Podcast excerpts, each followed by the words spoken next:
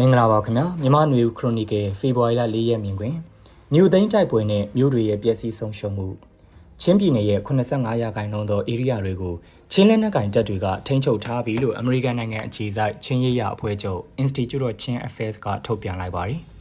ချင်းပြည်နယ်တွေကထန်တလန်မြို့နယ်တွေက3မြို့ဖလန်းမြို့နယ်တွေကမြို့2မြို့မတူပီမြို့နယ်တွေက1မြို့နဲ့မင်းတပ်မြို့နယ်တွေက1မြို့တို့ကိုချင်းကာကွယ်ရေးလက်နက်ကင်တပ်တွေကသိမ်းယူထားပြီးတော့ ချင်းပြည်နယ်တွေကပလက်ဝမြို့ကိုတော့ရခိုင်တပ်တော် AA ကသိမ်းယူထားတာဖြစ်ပါတယ်။ချင်းပြည်နယ်ရဲ့မြို့နယ်6မြို့နယ်အနက်မြို့နယ်9မြို့နယ်တွေက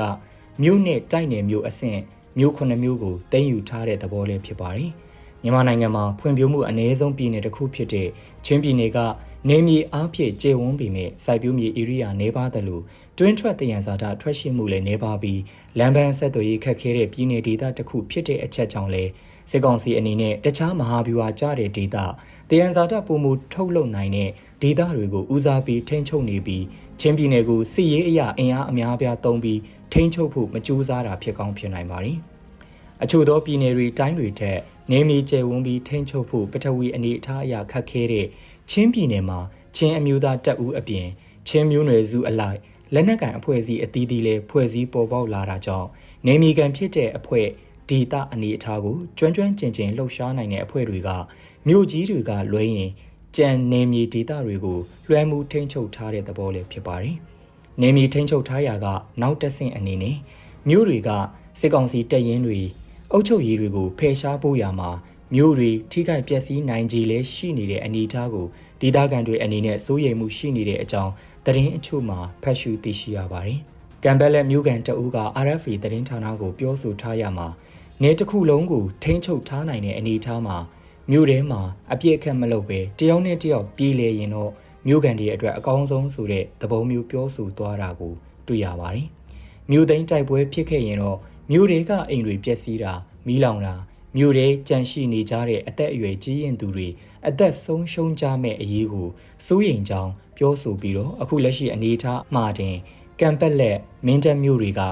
နေထိုင်သူအများအပြားတင်းရှောင်နေကြတယ်လို့လည်း RFA ကိုပြောဆိုထားတာဖြစ်ပါတယ်။စစ်ကောင်စီအနေနဲ့လည်းမြို့တွေကနေခုခံမဲ့ view ဟာမျိုးချမှတ်ထားတယ်လို့မြို့တွေကိုတိုက်ခိုက်လာတဲ့အခါမြို့ကလူနေအိမ်တွေဖျားကျောင်းတွေစာတင်ကျောင်းဖုံးတော်ကြီးကျောင်းတွေငိမ့်ကွက်မှာမဟုတ်ဖေးနဲ့လက်နက်ကြီးအမြောက်စတာတွေနဲ့အဆက်မပြတ်ပစ်ခတ်ကာ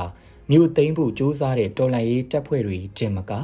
မြို့ပါထိခိုက်ပျက်စီးအောင်တိုက်ခိုက်လေးရှိတဲ့တာရကားတွေအများပြားရှိနေတာဖြစ်ပါတယ်။2021ခုနှစ်စက်တင်ဘာလမှာတန်တလန်မြို့ကိုစစ်ကောင်စီကလက်နက်ကြီးနဲ့ပစ်ခတ်ပြီးတော့မီးလောင်ပျက်စီးစေခဲ့တာကျန်တဲ့ဒေသအသီးသီးကသူတွေပထမဆုံးအကြိမ်ကြုံတွေ့ကြရတဲ့အဖြစ်အပျက်ဖြစ်လို့စိတ်မကောင်းဖြစ်ကြရသလို2023ခုနှစ်နှစ်ကုန်ကနီးမှာတော့တန်တလန်မြို့ကံကြမ္မာလိုမျိုးတမျိုးပြီးတမျိုးကြုံကြရတာဖြစ်ပါတယ်။စကိုင်းတိုင်းအထက်ပိုင်းမှာဆိုရင်ထီးချိုင်းမြို့ အများစုပျက်စီးသွားခဲ့တယ်လို့နိုဝင်ဘာလဇန်ကလေးကတင်းယူဖို့ကြိုးစားနေတဲ့ကရင်နီဒေသကလွိုက်ကော်မျိုးဆိုရင်လေဈေးတွေလူနေရက်ကတ်တွေဟိုတယ်တွေတဲကိုကန်တွေနဲ့လူနေအိမ်အများအပြားပျက်စီးကုန်တဲ့အခြေအနေမျိုးရောက်ရှိနေကြောင်းသတင်းတွေအရသိရှိရပါတယ်။ကရင်ပြည်နယ်မှာကော့ဂရိတ်မြို့နဲ့ရခိုင်ပြည်နယ်မှာပေါတောမြို့မင်းပြားမြို့တွေကထိခိုက်ပျက်စီးမှုအများဆုံးမြို့တွေဖြစ်တာတွေ့ရမှာဖြစ်ပါတယ်။မြို့သိမ်းတိုက်ပွဲတွေမစင်နွှဲရင်ဘာဖြစ်မလဲ။သို့မဟုတ် မြို့သိမ်းတိုက်ပွဲတွေကိုကြာရှည်ကြာမျောအချိန်မကြာစေဘဲမြန်မြန်ဆန်ဆန်သိမ်းယူနိုင်အောင်ဘီယွာချမှတ်ရင်ထိခိုက်ဆုံးရှုံးမှုနှဲပါနိုင်သလားစတဲ့မိကွန်းတွေလည်းထွက်ပေါ်လာနေတာဖြစ်ပါတယ်။ရခိုင်လူထုအနေနဲ့တော့နေအိမ်တွေဆုံးရှုံးရင်ဆုံးရှုံးပါစေစီဘေးရှောင်ရရင်ရှောင်ရပါစေခဏခဏတိုက်လိုက်ရက်လိုက်လောက်တာမျိုးမဖြစ်စေဘဲနဲ့ခုတစ်ချိန်တည်းနဲ့နိုင်အောင်တိုက်ဖို့အေးအေးကိုတောင်းဆိုကြတယ်ဆိုတဲ့အကြောင်း BBC နဲ့ဗိုလ်ချုပ်ထွန်းမြတ်နိုင်အင်တာဗျူးမှာပြောဆိုသွားတာတွေ့ရမှာဖြစ်ပါတယ်။ရခိုင်ပြည်နယ်နဲ့အခြားသောဒေသရဲ့လူထုအမြင်အယူအဆထောက်ခံမှုတွေကထပ်တူဖြစ်ချင်မှဖြစ်မှာဖြစ်ပြီးတော့အထက်ကကံပက်လက်မြို့ကန်တအုပ်စုတလူမြို့တွေကိုပါတော်လန်ရေးတပ်ဖွဲ့တွေကတင်းယူစီလုံးပေးမဲ့မြို့ပြက်စီးမှာတော့စိုးရိမ်တယ်ဆိုတဲ့သဘောမျိုးလေးဖြစ်ကောင်းဖြစ်နိုင်ပါတယ်။လွိုင်ကော်မျိုးကိုတိုက်ခိုက်တာနဲ့ပတ်သက်လို့ KNDF ရဲ့ခေါင်းဆောင်ဖြစ်သူခွန်ဘီထူးက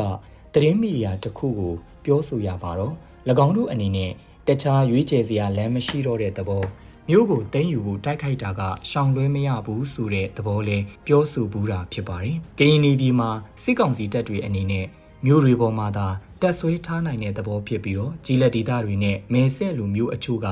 ကရင်နီတော်လန်ရေးတပ်ဖွဲ့တွေကထိန်းချုပ်ထားတာဖြစ်ပြီးလွိုက်ကော်မျိုးကကရင်နီပြည်ရဲ့ဝင်ပေါက်အာနာသိန်းစစ်တပ်ရဲ့အုပ်ချုပ်ရေးပြရုပ် ဖြစ်လို့လွိုက်ကော်ကိုတိုက်ခိုက်ဖို့ဆုံးဖြတ်ရတဲ့သဘောမျိုးဖြစ်ကောင်းဖြစ်နိုင်ပါတယ်။တစ်ဖက်မှာတော့မြို့သိမ်းတိုက်ပွဲတွေကနေမြေထိန်းချုပ်မှုကနေနောက်တစ်ဆင့်